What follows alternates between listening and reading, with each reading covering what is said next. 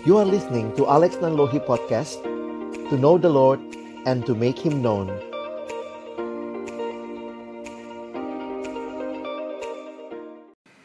Kami datang dalam ucapan syukur, terima kasih. Tuhan beri kesempatan kami memaknai kasih sayang melalui webinar ini. Kalau sebentar kami akan membuka firman-Mu, bukalah juga hati kami, jadikanlah hati kami seperti tanah yang baik, supaya ketika benih firman-Mu ditaburkan boleh sungguh-sungguh berakar, bertumbuh, dan juga berbuah nyata di dalam kehidupan kami.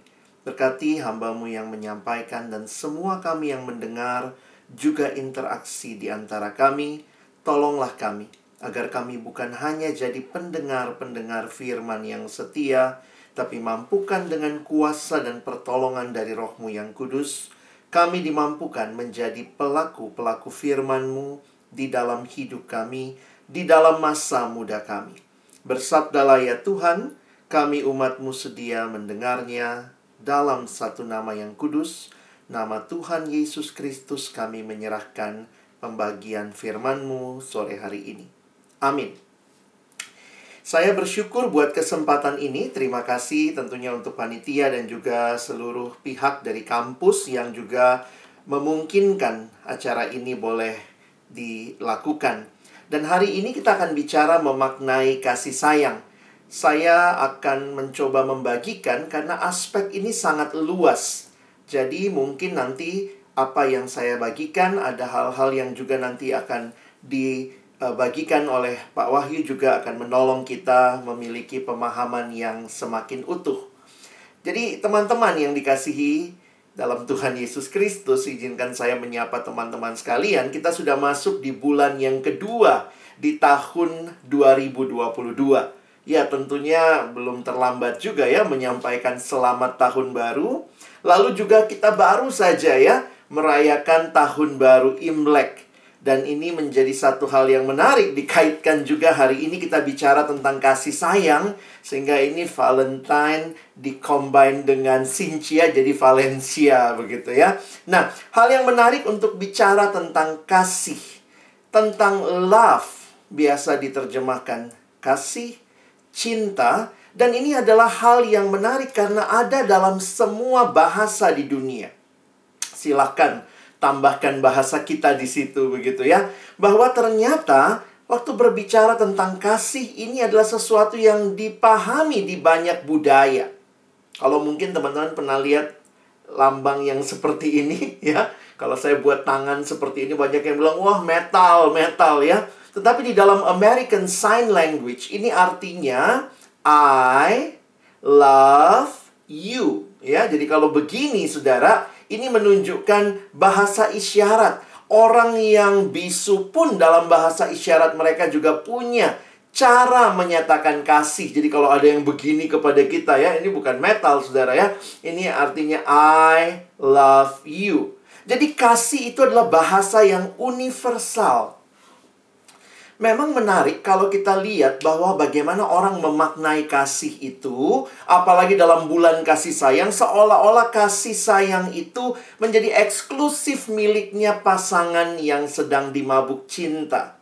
Padahal kalau kita lihat di sekitar kita, kasih itu dinyatakan dalam berbagai bentuk. Ini kasih atau bukan? Kalau teman-teman melihat hal ini. Ya kasih juga gitu ya, orang tua, kepada anak. Kalau kita mungkin juga lihat dunia binatang, dunia hewan, wow lucunya gitu ya. Kita bisa melihat sebenarnya ini juga ekspresi-ekspresi sayang dan cinta.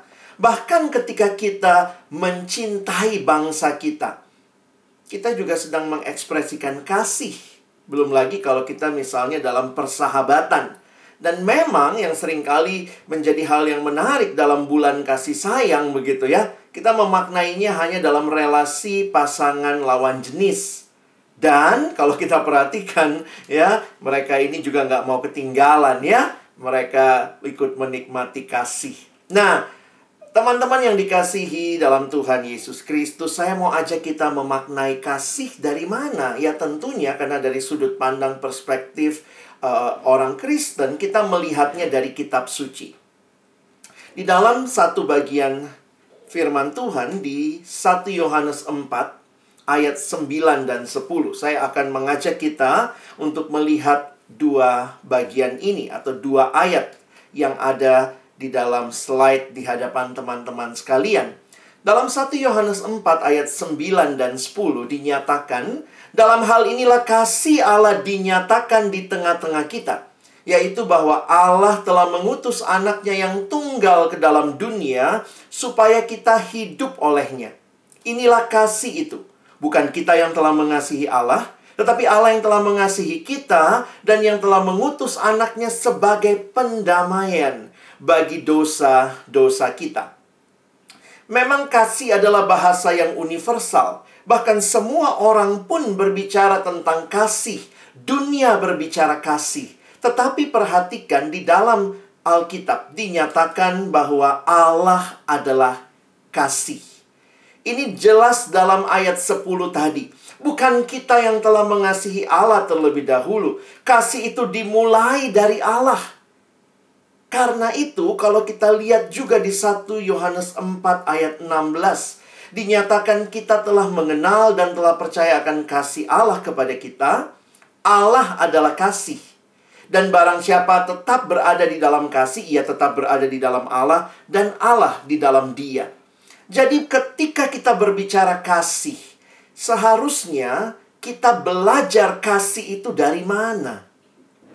Bukan dari drama Korea, bukan dari sinetron begitu ya. Tetapi kekristenan memaknai kasih dari karakter Allah sendiri. Wah, sekarang banyak sekali kita melihat dunia berbicara kasih dipertontonkan bahkan ada sinetron terkenal sekarang ya, Ikatan Love ya. Itu pun menyatakan bahwa dunia berbicara tentang kasih, tetapi kitab suci mengingatkan kita God is love. Jadi kalau kita ingin belajar tentang kasih, biarlah kita belajar mengenal Allah yang adalah kasih adanya. Dan di dalam bagian yang kita baca hari ini, tadi saya katakan sebenarnya sangat luas ya kalau kita melihat aspek ini. Tapi saya mau fokus kepada apa yang dituliskan di 1 Yohanes 4 ayat 9 dan 10. Kalau kita melihat ayat-ayat tadi, maka bukti kasih Allah adalah memberikan anaknya.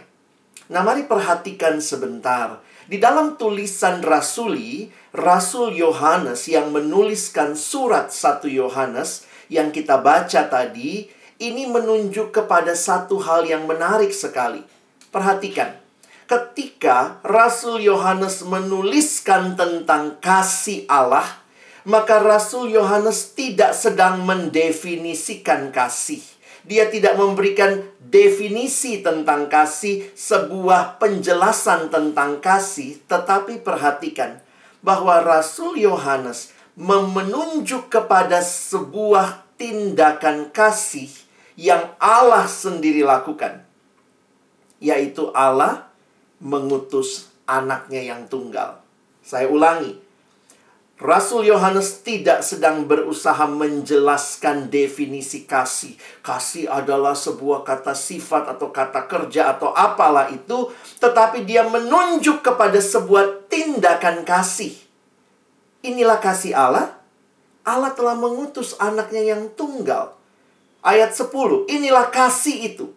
Tetapi dia tidak memberikan definisi, dia menunjuk lagi kepada yang telah mengutus anaknya.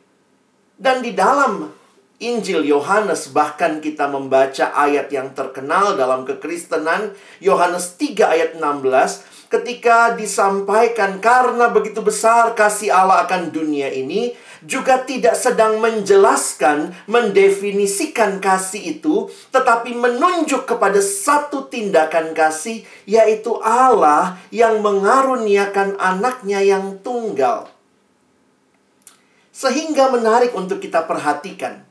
Kalau kita mau belajar tentang kasih, maka mari renungkan tindakan Allah yang mengaruniakan anaknya yang tunggal. Almarhum pendeta Billy Graham berkata dalam salah satu khotbahnya, Allah membuktikan kasihnya pada kayu salib. Ketika Kristus digantung berdarah dan mati, itulah saatnya Allah berkata kepada dunia, I love you. Aku mencintaimu.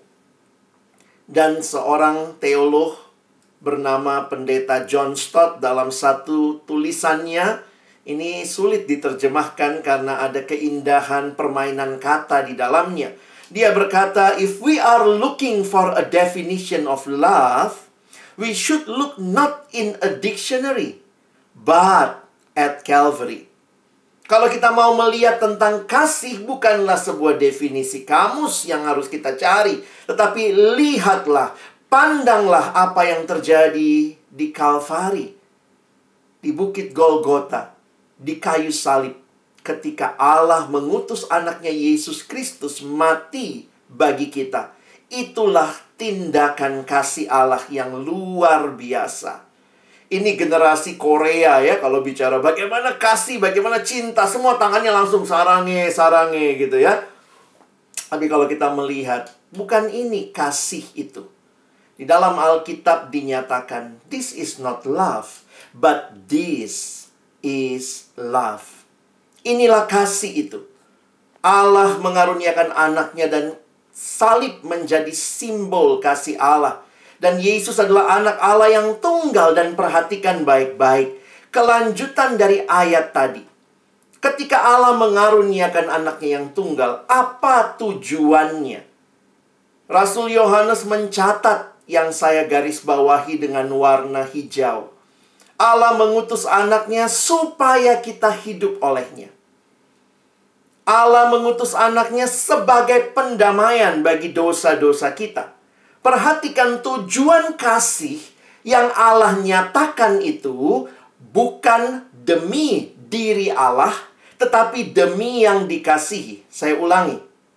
Yang Allah nyatakan dalam kasih itu, tujuan utamanya bukan bagi dirinya, tetapi bagi yang dikasihi. Wah, ini sangat berbeda ya dengan apa yang kita lihat di dalam dunia. Karena itu sekali lagi kalau merenungkan apa yang terjadi di karya Kristus di kayu salib, dengan pengorbanannya di salib, Yesus ingin mengatakan kepada saudara, "Aku mengasihimu." Saya berhenti sampai di sini bicara dari perspektif kitab suci karena saya ingin mengajak kita merefleksikan Kasih dunia seperti apa sih? Karena kan dunia juga bicara kasih, dunia bicara love. Tetapi kasih dunia adalah kasih yang sebatas perasaan. Ini yang sering kali menjadi hal yang perlu kita hayati dengan mendalam supaya kita tidak kehilangan bahwa kasih itu bukan sekadar perasaan. Di dalamnya ada perasaan benar, But love is more than just a feeling. But love is commitment. Teman-teman yang dikasihi dalam Tuhan, kadang-kadang yang namanya perasaan itu naik turun ya. Hari ini cinta banget, besok aduh bete banget, telat dijemput marah begitu ya kalau dalam relasi. Sehingga perhatikan, kalau relasi hanya didasarkan perasaan, kalau sudah nggak berasa, rasanya sudah. Tetapi bukan begitu kalau kita melihat pernikahan Kristen sebagai puncak ekspresi kasih antar manusia. Maka ada komitmen, ada janji pernikahan. Aku akan mengasihimu dalam suka dan duka. Jadi bukan waktu perasaanku senang, aku mengasihimu. Kalau perasaanku lagi nggak senang, kita cerai saja. Tidak demikian. Bahwa dalam kasih, yang mempertahankan pernikahan itu bukan perasaan, saudara. Bukan semata-mata perasaan, tetapi lebih dalam lagi adalah komitmen. Sehingga kalau kita memiliki komitmen itu menjadi dasar yang kokoh untuk membangun perasaan kita. Jadi ini menarik sekali untuk memperhatikan. Kasih dunia itu cuma sekadar perasaan. Makanya lihat, tahu-tahu dua minggu habis menikah udah nggak berasa katanya. Ya sudah, selesai. Kasih dunia itu kasih yang egois. Kenapa? Karena dia mengasihi untuk dirinya. Contoh, saya mengasihimu supaya saya saya dapat sesuatu, saya menikmati sesuatu, supaya saya, supaya saya, dan supaya saya. Perhatikan karya Yesus di kayu salib. Bukan supaya dirinya, tetapi supaya manusia. Manusia dikatakan tadi hidup karena kita sudah mati dalam dosa, supaya kita hidup olehnya. Apa arti kasih Allah? Dia mengutus anaknya supaya siapa? Bukan supaya Allahnya, tapi supaya manusianya dikatakan berdamai dengan Allah. Arahnya kasih itu bukan untuk diri yang mengasihi, tetapi untuk yang dikasihi. Karena itu kasih nyata sekali ketika fokusnya bukan diri tetapi yang dikasihi dan itulah yang terjadi di kayu salib. Allah mengasihi manusia. Allah mengutus anaknya bukan supaya Allahnya tetapi supaya manusianya. Ini arah kasih sangat beda. Dunia bicara kasih, aku mengasihimu. Hari ini kita sayang-sayangan ya supaya saya bisa dapat sesuatu dari kamu. Karena itu ada yang mengatakan, mungkin teman-teman bisa pahami begini ya. Katanya bahasa Indonesia itu paling gampang loh menjelaskan kasih. Kok bisa? Karena dalam berbagai aspek bahasa, bahasa Indonesia itu begini ya. Apa itu kasih? Misalnya saya punya botol minum ini ya. Apa itu kasih? Kasih, ya kasih. Kasih, ya kasih. Love is giving. Love is not taking. If love is taking, taking, taking, that is not love. That is rampoking. Kamu ngerampok itu. But love is giving. Dan itulah teladan kasih Allah. Karena itu kasihnya kasih yang tidak terbatas. di mana kasih dunia sangat terbatas. Sehingga sekali lagi, kalau kita mau bicara kasih, belajarnya dari mana? Kekristenan mengingatkan kita Allah adalah kasih. Lihatlah teladan kasih Allah Kasihnya itu adalah kasih yang aktif, kasih yang inisiatif, kasih yang nyata, bukan konsep, bukan wacana, bukan diskusi, dan kasih yang memberi yang terbaik bagi yang dikasihi, bukan memanfaatkan yang dikasihi. Ada yang bilang begini, iya pacar saya bilang kalau nggak mau tidur sama dia, berarti saya tidak sayang sama dia. Oh, itu perampok, saudara. Kalau betul engkau mengasihi pasanganmu, engkau akan jaga dia kudus sampai altar pernikahan. That is true love. Kasih bukan dipermainkan. True love is about giving everything and expecting nothing. Nah, kalau sudah menghayati kasih seperti ini, saudara perlu alami sebelum saudara juga bisa dipakai membagikan kasih ini.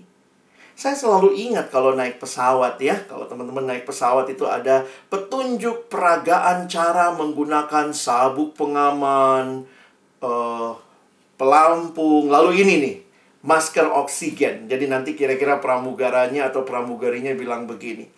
Jika tekanan udara di dalam kabin mendadak menurun, maka masker oksigen seperti ini akan keluar dari panel di atas Anda. Wow, begitu ya. Saya sampai hafal ya. Tarik masker menutupi mulut dan hidung. Kalungkan karetnya di kepala dan bernafaslah seperti biasa. Wah, sampai situ saya senang ya, tahulah. Tapi yang bagi saya ternyata sangat berkesan adalah kalimat berikutnya. Bagi Anda yang bepergian dengan anak-anak atau orang yang memerlukan pertolongan, pakailah masker Anda terlebih dahulu sebelum Anda menolong yang lain. Wow, waktu saya hayati kalimat itu, saya pikir inilah kasih ya. Kasih itu sekali lagi tidak egois. Ketika saudara dan saya mengalami kasih Allah, bagaimana respon kita? Kadang-kadang kita suka bilang, Tuhan mengapa engkau mengasihiku? Tuhan bilang, aku mengasihimu supaya kau pakai masker itu dan tolonglah orang lain. Boleh juga menikmati itu. Dan itulah pesan rasuli yang sama di dalam ayat selanjutnya. Kalau tadi kita lihat 1 Yohanes 4 ayat 9, ayat 10, perhatikan ayat 11. Saudara-saudaraku yang kekasih, jikalau Allah sedemikian mengasihi kita, jangan egois. Maka haruslah kita juga saling mengasihi. Mari maknai kasih kita yang mungkin sudah makin egois dengan memandang kasih Allah yang dinyatakan di Kalvari. Kita masih dalam kondisi pandemi dan salah satu hal yang menarik bagi saya kasih kita diuji. Apakah kita benar mengasihi sesama? khususnya mereka yang mungkin sedang mengalami penderitaan. Ekspresinya macam-macam ya. Mari berdoa bersama. Ini ekspresi kasih. Jangan pikir doa karena kesannya ah, ngapa-ngapain.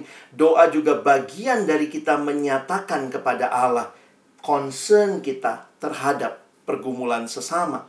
Tapi lebih jauh lagi, mari kita miliki kasih yang aktif, yang inisiatif peka melihat kebutuhan orang lain.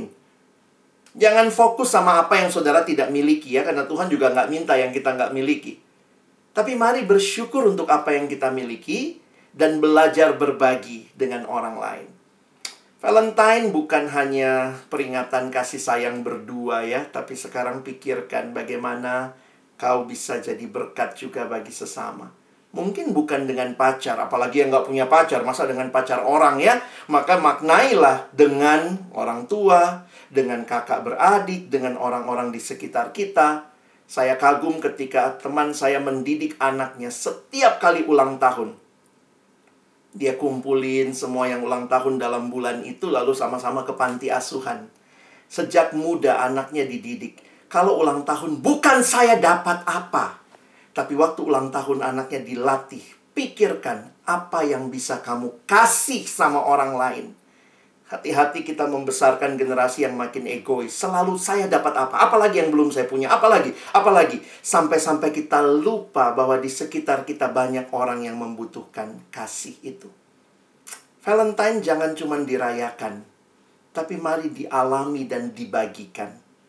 Saya tutup dengan apa yang disampaikan oleh Santo Agustinus. Satu waktu Santo Agustinus ditanya Bagaimana bentuk dan rupa kasih itu? Lalu Santo Agustinus menjawab, "Kasih memiliki tangan untuk menolong orang lain. Kasih memiliki kaki untuk menghampiri mereka yang miskin. Kasih memiliki mata untuk melihat kebutuhan-kebutuhan orang lain. Kasih memiliki telinga untuk mendengar rintihan mereka yang menderita. Demikianlah rupa kasih. Kasih bukan wacana, bukan diskusi, bukan definisi, tetapi tindakan memberi yang di dalamnya melibatkan seluruh hidup kita. Tidak selamanya orang lain butuh uang saudara. Kadang-kadang kita kalau sekarang gitu ya, tindakan kasih, berbagi kasih, berapa sumbangannya? No. Lihat di sekelilingmu. Mereka yang mungkin membutuhkan tangan saudara, kaki saudara, mata saudara, atau bahkan mendengarkan pergumulan orang lain.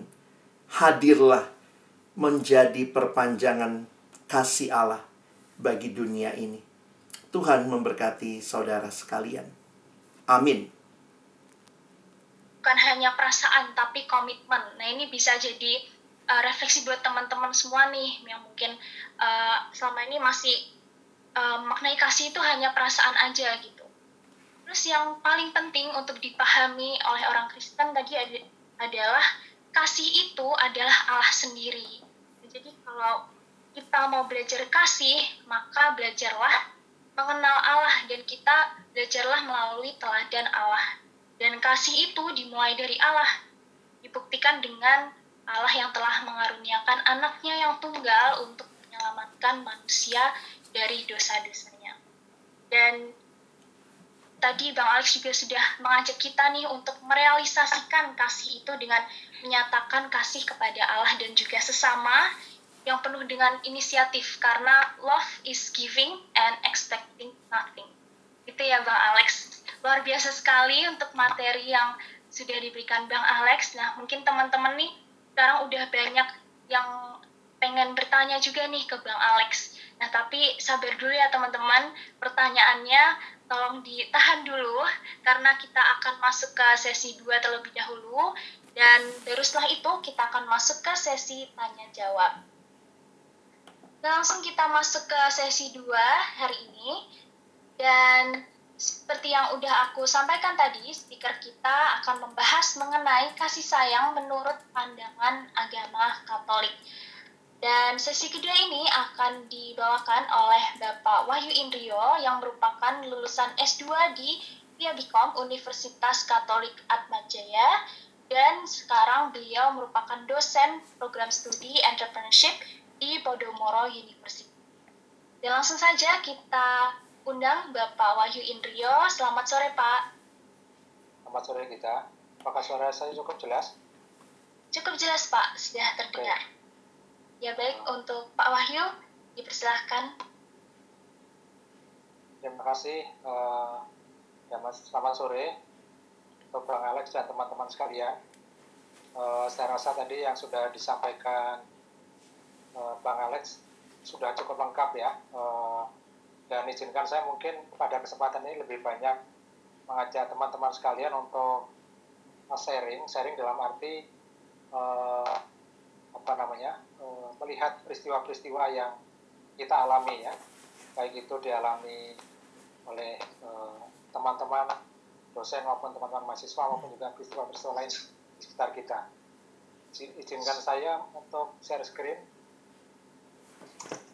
tentang bahwa Allah sendiri itu adalah kasih dan itu juga tadi juga sudah uh, kita diskusikan ya uh, seperti yang uh, ditulis oleh Yohanes uh, dalam surat Yohanes 1 uh, ayat 7 sampai 8.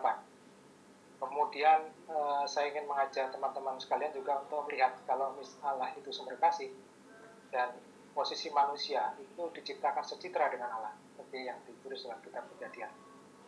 Jadi citra Allah ada dalam, dalam diri manusia seperti Mahfudi. Nah, teman-teman sekalian, ini uh, sebuah potret uh, kakak kelas kita ya, teman-teman mahasiswa Podomoro yang melakukan kegiatan uh, secara rutin ya. Uh, ini sebelum COVID waktu itu, jadi ini ada mobil, namanya mobil pintar uh, yang di, ya apa namanya, disediakan oleh Agung Podomoro. Nah, teman-teman yang ada pertanyaan boleh langsung aja dikirimkan di kolom chat box atau langsung raise hand juga boleh banget. Nah, mungkin sambil menunggu pertanyaan dari teman-teman nih ya. Aku ada ya pertanyaan dulu nih. Uh, ini boleh ke Bang Alex atau ke Pak Wahyu ya. Uh, pertanyaan aku tadi kan disebutin uh, sama Bang Alex gitu ya, jika kita ingin belajar kasih, maka lihatlah teladan Allah. Nah, seperti kita tahu, Allah itu melalui Yesus sudah berkorban demi manusia yang berdosa karena kasihnya pada kita. Nah, tapi sering kali di kehidupan kita, uh, ketika kita sudah disakiti oleh sama kita, nah itu sering kali sulit gitu rasanya untuk bisa tetap mengasihi uh, sama kita, teman atau uh, rekan kita Nah, aku ingin bertanya nih, uh, gimana sih caranya agar kita kalau bahasa jiwanya itu bisa legowo gitu, atau ikhlas gitu ya, dan bisa tetap menyatakan kasihnya kita kepada mereka, bisa tetap uh, mengasihi mereka seperti kita tidak pernah disakiti. Mungkin boleh dari Bang Alex dulu. Iya, terima kasih. Uh, ini pertanyaannya Gita ini sangat sangat relevan dan kontekstual ya karena ini juga jadi bagian pergumulan banyak orang termasuk juga orang yang sudah mengaku percaya sama Tuhan Yesus tetapi kita sedang dalam proses. Kita sedang dalam proses dibentuk semakin hari semakin serupa dengan Kristus. Karena itu kalau saya mungkin hanya mengingatkan bahwa uh, dengan kekuatan kita sendiri pasti sulit.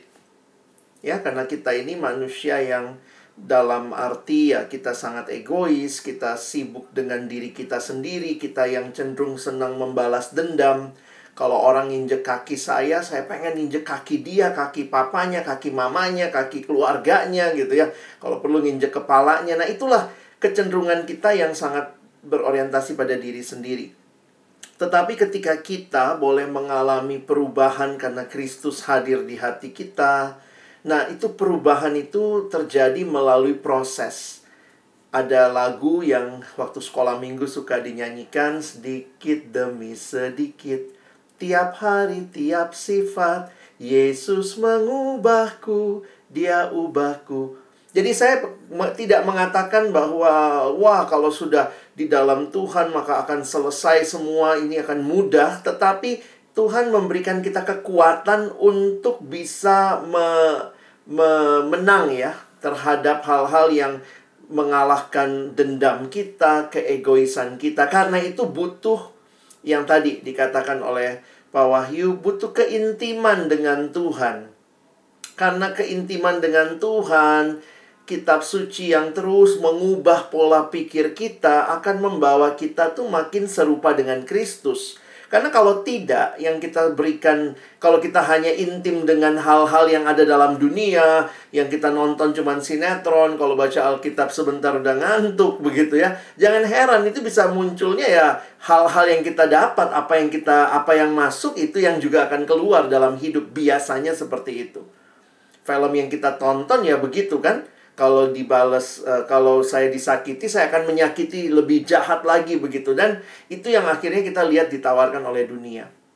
Jadi uh, kita perlu untuk punya relasi keintiman dengan Tuhan dan izinkan Tuhan terus mengubahkan kita pelan-pelan. Yesus sendiri berkata kan kasihilah sesamamu dan berdoa uh, kasihilah musuhmu dan berdoalah untuk mereka yang menganiaya kamu. Saya pikir itu wah sangat luar biasa. Kasih kita justru diuji ketika kita mengasihi orang yang tidak mengasihi kita. Karena kasih itu kan kasih ya kasih ya.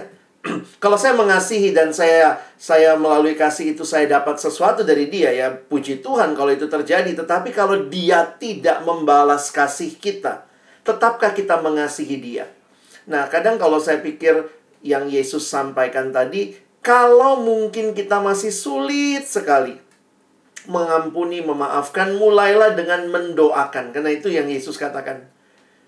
Kasihlah musuhmu dan berdoalah. Dan cobalah mulai dalam doa. Karena ada yang begini ya. Uh, saya ketemu juga mahasiswa gitu. Kak, susah banget saya. Kalau ketemu dia tuh inget lagi yang lalu. Jadi apa yang kamu lakukan? Saya lagi hindarin ketemu dia. Saya butuh waktu. Oke, tapi jangan lupa tetap berdoa itu langkah paling sederhana untuk kita juga tanda kutip ya melepaskan pengampunan supaya kita tidak menjadi orang yang dendam dan menyimpan akar pahit. Nah, itu mungkin dari saya.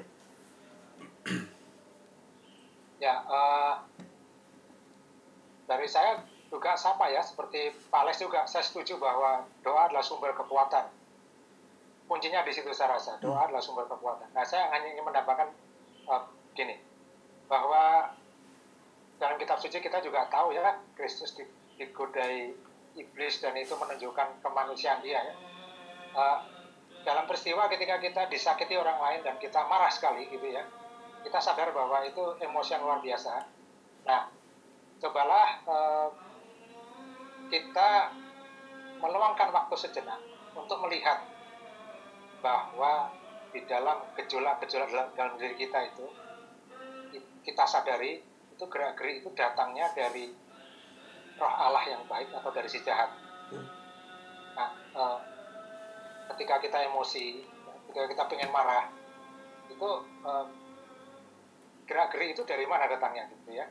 Kalau itu mau kita sadar bahwa kalau kita terus terbawa dengan suasana itu dan itu menghancurkan kita, ya itu pasti dari roh jahat.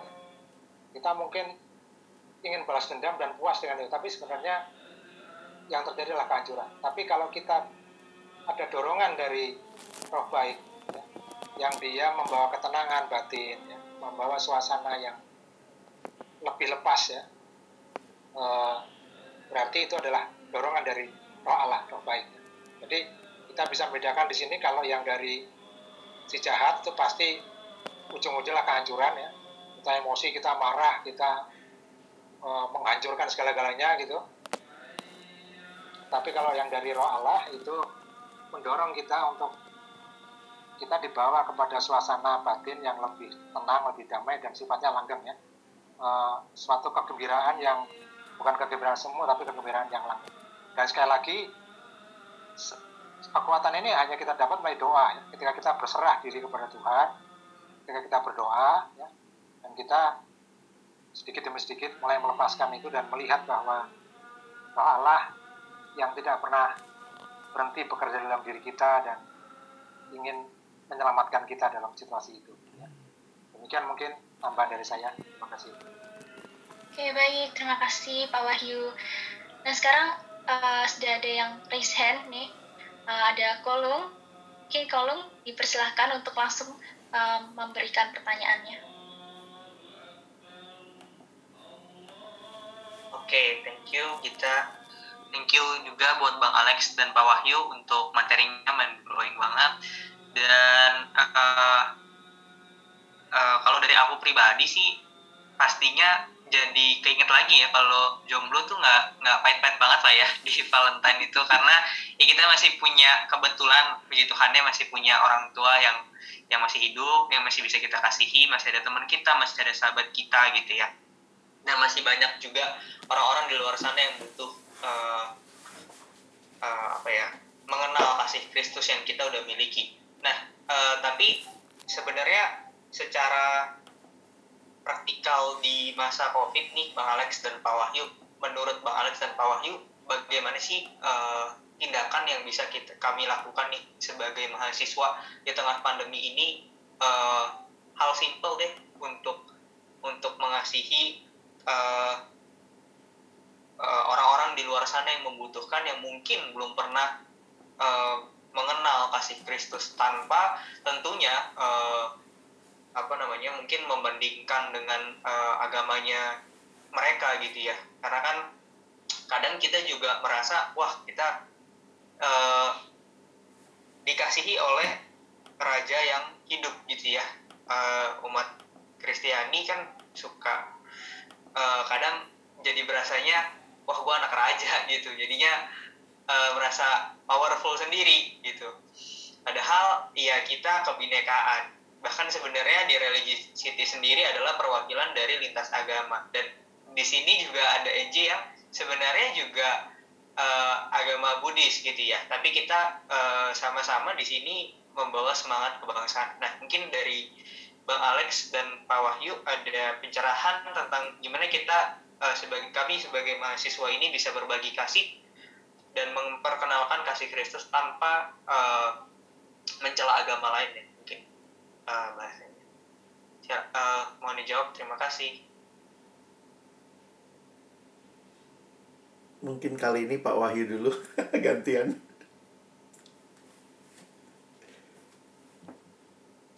Baik, uh, apakah terdengar? Ya. Kita? Terdengar Pak. Oke. Nah, nanti kok ada terdengar ya? Terdengar kita? Iya Pak, terdengar. Oke, baik, terima kasih. Uh, ya, terima kasih Alung pertanyaannya. Uh, menurut saya sih apa pun kegiatan yang bisa kita lakukan itu bisa menjadi kegiatan yang amal kasih ya.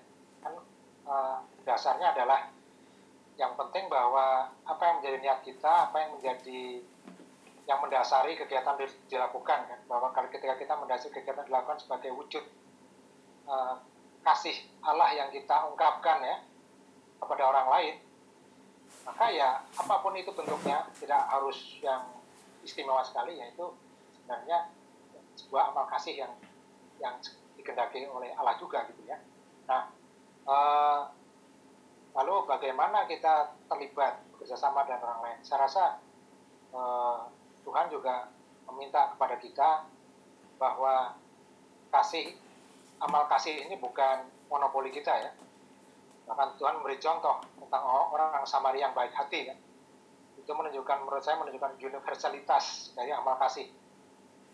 Bahwa amal kasih itu bisa uh, di, diberikan oleh siapa pun dan itu diterima oleh Allah. Uh, dalam uh, surat Yohanes juga kalau nggak salah ya uh, disebutkan bahwa uh, siapa yang meng, uh, memberikan kasih mengenal kasih maka dia mengenal Allah. Mereka yang beramal kasih ya melakukan amal kasih ya, dia mengenal Allah. Jadi e, kasih itu adalah sesuatu yang universal dan e, kita tidak pernah membeda-bedakan ini dari kelompok mana. Mungkin itu dari saya terima kasih baik terima kasih Pak Wahyu dan mungkin sekarang dari Bang Alex Iya, saya setuju ya dengan apa yang Pak Wahyu katakan karena saya bilang juga tadi kasih itu bahasa yang universal. Kita tidak bisa menolak perbedaan-perbedaan yang ada dalam adanya keberagaman religi yang ada di dalam dunia ini. Tetapi kalau kita juga sebagai orang Kristen tentunya ya, orang-orang yang mungkin uh, kembali melihat dasar dalam kitab suci, saya melihat justru waktu Allah menciptakan manusia pada awalnya itu manusia adalah satu kemanusiaan. Jadi di situ titik tolak sebenarnya kita mengamalkan kasih. Jangan ber, jangan jadi gini ya, kadang-kadang yang terjadi itu perbedaan-perbedaan yang datang belakangan itu menjadi dasar kita mengasihi. Misalnya ya, waktu Allah ciptakan manusia sebagai citra Allah, maka Allah tidak menciptakan dalam konteks suku pada waktu itu. Suku itu terbentuk kemudian dalam konteks manusia memenuhi bumi, lalu tinggal di daerah-daerah tertentu, sehingga muncullah suku misalnya muncullah pembagian wilayah, muncullah ada hal-hal yang datangnya belakangan. Tapi dasar utama yang saya lihat ketika Allah menciptakan manusia sebagai citra Allah adalah manusia hadir sebagai sebuah kemanusiaan. Nah, sekarang tuh jadi lucu ya kita tuh nolong kalau dia satu suku sama kita, seagama sama kita, lalu kita ngeliat gitu ya, agama orang lebih rendah dari agama kita. Jadi semangatnya adalah semangat superior inferior. Sukuisme juga begitu ya, sehingga misalnya terjadi rasisme, melihat bahwa ras saya lebih tinggi daripada ras orang orang lain. Nah, mari balik kepada penciptaan. Kalau kita orang Kristen yang punya Alkitab, yang di dalamnya Allah menciptakan manusia pertama kali bukan menciptakan golongan-golongan itu itu terbentuk kemudian kembalinya tuh ke titik nolnya tuh di situ. Lalu kemudian kita berbeda dan kita harus mengakui menikmati perbedaan itu kita menciptakan dialog sehingga setiap orang nanti bisa bertanggung jawab kepada apa yang dia yakini.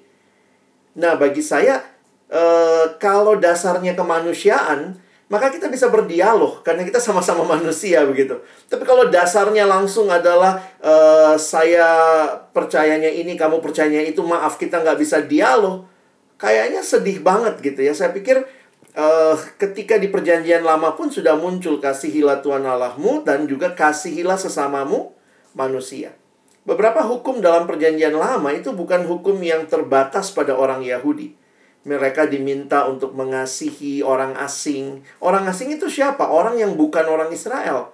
Yang waktu mereka ada di bangsa mereka, di bangsa Israel, mereka harus diizinkan punya kesempatan hidup, punya kesempatan untuk berkarya. Dan ingat, orang asing itu Allahnya bukan Allah Yahweh. Jadi kalau orang bilang sekarang, kalau daerah ini jadi daerah Kristen, tidak boleh ada agama lain masuk sini, nggak boleh ada toko, nggak boleh buka usaha kalau orang agama lain. Saya pikir kok beda banget sama Alkitab ya. Nah itulah, kemanusiaan menjadi dasar untuk kita berbicara banyak hal, termasuk menyikapi perbedaan untuk terjadi dialog, keterbukaan, dan setiap orang harus memilih pada akhirnya. Dan ketika dia memilih, kita menghargai pilihan itu. Karena itu yang Tuhan juga nyatakan bahwa Tuhan menghargai pilihan-pilihan yang ada, walaupun kita dalam iman kita meyakini bahwa Tuhan merindukan semua orang kembali kepada Dia di dalam Juru Selamat Yesus Kristus. Tetapi kita tidak bisa memaksa orang untuk mengakui itu kalau dia sendiri tidak melewati proses yang saya pikir di dalamnya juga ada karya Tuhan dan ada kesaksian dari setiap orang yang sudah mengenal Tuhan Yesus. Mungkin itu.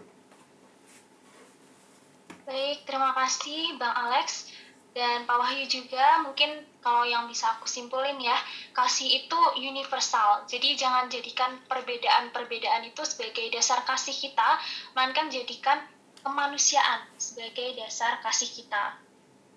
Nah, sekarang kita uh, akan lanjut nih ya ke pertanyaan selanjutnya. Mungkin ada teman-teman yang mau bertanya lagi. Akhir deh, mungkin ini pernah didengar juga ya sama kita mahasiswa yang ya apa ya uh, zaman zamannya alay juga kali ya. Mungkin uh, kita semua sering dengar cinta tuh butuh pengorbanan nih bang. Hmm. dan juga Pak Wahyu gitu ya. Saya rasa uh, zamannya Bang Alex dan Pak Wahyu pasti juga pernah denger lah ya gitu. Karena kan kita beda tipis lah ya Bang ya. Sama Wahyu ya. Nah eh, tapi apakah eh, kalau misalnya eh, kita nggak berkorban itu kita jadi nggak mencintai atau mengasihi nih bang dan Pak Wahyu. Karena eh, sering kali gitu ya saya banyak nemu yang kesannya itu menjadi benar-benar eksak gitu loh eh, eksak gitu pak. Jadi eh, kalau gua nggak berkorban berarti gua nggak mencintai gitu kesannya gitu. Walaupun mungkin sebenarnya bisa jadi nggak begitu. Hmm. jadi apa yang yang kita bisa lakukan nih bang dan juga Pak Wahyu. Untuk untuk eh, apa ya dalam tanda kutip mungkin meluruskan istilah itu gitu ya. Tanpa ya apa ya nggak nggak jadi kuno-kuno banget juga gitu. Biar nggak jadi kayak apa sih lu so suci banget gitu loh. Itu itu gimana tuh bang? Mungkin lebih kayak praktikal yang di zaman kini mungkin ya dari saran bang Alex atau Pak Wahyu mungkin buat kita semua thank you Oke, mungkin dari siapa dulu ini? Mau Bang Alex dulu atau Pak Wahyu dulu? Oke. Alex. Iya, Pak. Nanti Pak Wahyu tambahin ya.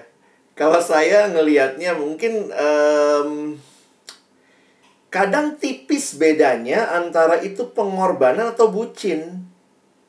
Iya nggak sih? Jadi kayak udah kebucinan gitu ya. Jadi kayak karena begini ya. Kadang-kadang aspek yang harus kita miliki. Jadi kalau belajar juga tentang cinta ya, tentu ini nggak nggak nggak habis lah didiskusikan ya. Tapi cinta yang yang baik, cinta yang dewasa itu bertumbuh juga di dalam eh, rasionalitas. Memang tadi ya kita lihat bahwa cinta itu sangat didominasi oleh eh, feeling, perasaan. Tetapi ketika itu bertumbuh harusnya misalnya kalau yang pacaran ya itu makin rasional dalam arti juga kita bisa melihat gitu ya. Misalnya kalau kalau orang jatuh cinta ya iya deh nanti kita pergi ke bulan kita jalan-jalan ke matahari ya ampun gitu ya. Tapi itu feelingnya dapet tuh asik tuh ngomong begitu ya. Kayaknya wih gua akan berkorban apa pun buat kamu.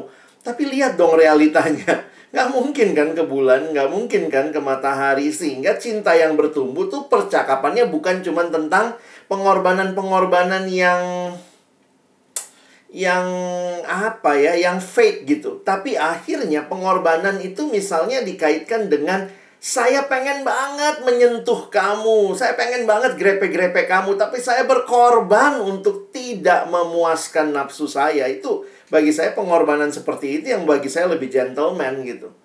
Nah, jadi poinnya adalah hati-hati pengorbanan-pengorbanan ini dikaitkan hanya dengan keinginan saya. Hati-hati kalau pengorbanan-pengorbanan ini hanya dikaitkan dengan apa yang saya mau gitu. Jadi sebenarnya itu bisa jadi uh, trik ya maaf kata yang cowok-cowok tuh suka gitu ya. Lu kalau sayang sama gua, ayo dong, coba dong cium dikit sini, ayo dong peluk dulu. Apa itu pengorbanan? Itu mah nafsu ya.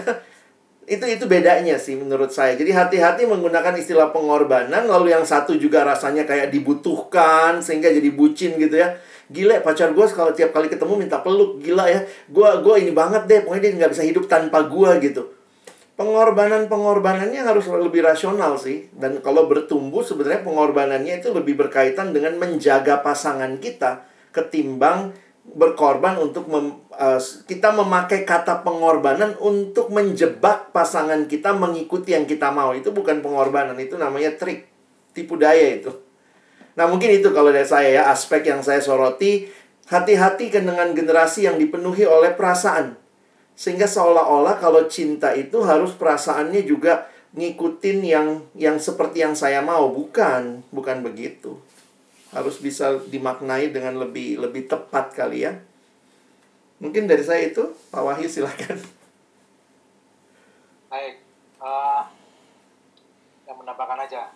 Dulu zaman saya waktu mahasiswa itu, kalau ada teman yang lagi patah cinta gitu ya, terus di kamar kosnya tuh ditulis gede-gede banget. Cinta yang memahkotaimu, cinta yang menyalipkanmu wah ngeri banget ya. Gara-gara putus cinta aja sampai uh, ada tulisan seperti itu di kamar kosnya. Uh, ya saya ingin kembali tadi dengan istilah dalam cinta itu sebenarnya ada yang namanya eros dan agape ya bahwa cinta itu memang ada interaksi secara fisik. Interaksi secara fisik itu ya tidak harus dalam pengertian yang seksual ya tapi juga bisa dalam bentuk interaksi fisik dalam konteks uh, persaudaraan ya, apa namanya saling membantu dan sebagainya. Uh, tapi juga artinya sentuhan ya uh, di sini sentuhan bukan seks uh, seksualitas melulu. Yang kedua adalah agape kan? Uh, bahwa akhirnya cinta itu memberikan cinta itu uh, menyerahkan kepada yang, yang lain kepada orang lain. Nah uh, apa konteksnya kalau misalnya uh, anak muda nih lagi PDKT atau lagi senang sama pasangannya gitu ya? Kalau kita misalkan kan sering ya teman-teman cowok itu ditanya sama pacarnya ya ceweknya. Cewek itu kan paling sering apa namanya apa namanya penasaran ya. Kenapa sih kok cowoknya tuh sayang sama dia? Sering ditanya berkali-kali. Kamu sayang gak sih sama aku? Gitu ya. Terus kenapa kok kamu sayang sama aku? Misalnya terus cowoknya kan tadi ya yang kayak uh, Alex. Baikan tuh luar bahasa-bahasa cowok ya emang jagonya emang cowok itu kan memang mengelabui cewek kan. Karena itu ada cowok sama cewek kan karena cewek itu senang dibabui cowok itu jagonya ngelabui nah, kenapa kamu senang sama aku? Oh, soalnya kamu kamu tuh orangnya memang ini sih culun gitu ya. Orangnya lucu dan sebagainya. Keluarlah yang yang si cewek itu semakin merasa terbang di angkasa gitu ya. Nah itu adalah cinta eros ya. Tapi kalau I love you because. Tapi kalau di agape I love you although saya menyintaimu meskipun kamu. Nah terus jadi jangan jangan terus oh Pak, Pak Wahyu kasih saya tips and triknya kalau menyintai harus although. Gitu. terus kamu nanti kalau nyoba ke ceweknya gitu ya. I love you although. Saya cinta kamu meskipun. Ya kamu bisa disempret juga. Ya kayak sih kalau kamu. Although itu artinya menunjukkan kekurangan-kekurangan cewekmu ya tapi maksud saya itu bahwa dalam kesadaran kita kita menyintai orang lain itu bukan karena kelebihan dia tapi meskipun dia itu tidak sempurna meskipun dia itu banyak bedanya dengan saya saya menyintai dia. Ya ini tentu suatu proses pendewasaan ya. Ke sana bukan sesuatu yang ujuk tiba-tiba. Makanya kalau kalau langsung ngomong gitu ke ceweknya pasti disemprot sama ceweknya ya. Jangan lalu itu itu ini proses ya proses. Ke sana. nah saya punya peristiwa ini gini ya di rumah tangga itu anak saya cuma satu dan cowok dan dekat sekali sama ibunya. Dan apa namanya e, sama saya ya dekat juga tapi lebih dekat sama ibunya lah. Apa apa itu pokoknya sama ibunya gitu kan.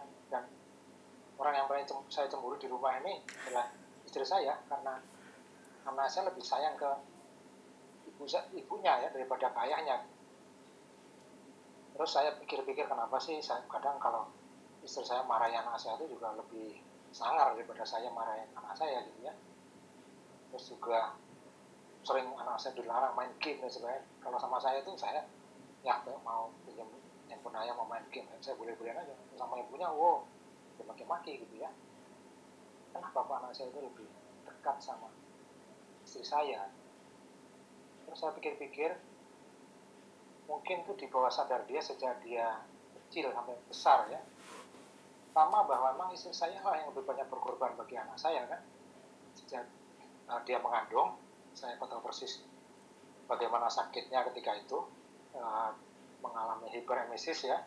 Muntah yang nggak bisa henti sampai di opname dia harus berhenti bekerja terus uh, masuk kantor lagi ya. Uh, kemudian waktu proses melahirkan pun juga sampai saya sendiri sangat miris ya di, di ruang bersalin itu. Ya istri saya teman sakit meskipun dokter sudah menyuntik berbagai macam supaya menghilangkan sakit ya. Tapi itu mungkin di bawah sadar anak saya bahwa tahu pengorbanan ibunya untuk kelahiran dia ini satu. Terus yang kedua uh, dalam usia masih kecil itu anak saya kebetulan mengalami masalah secara fisik ya secara kesehatan terus karena waktu itu memang kami berdua bekerja kira istri saya yang kebetulan sebenarnya karirnya lebih bagus daripada saya waktu itu ya.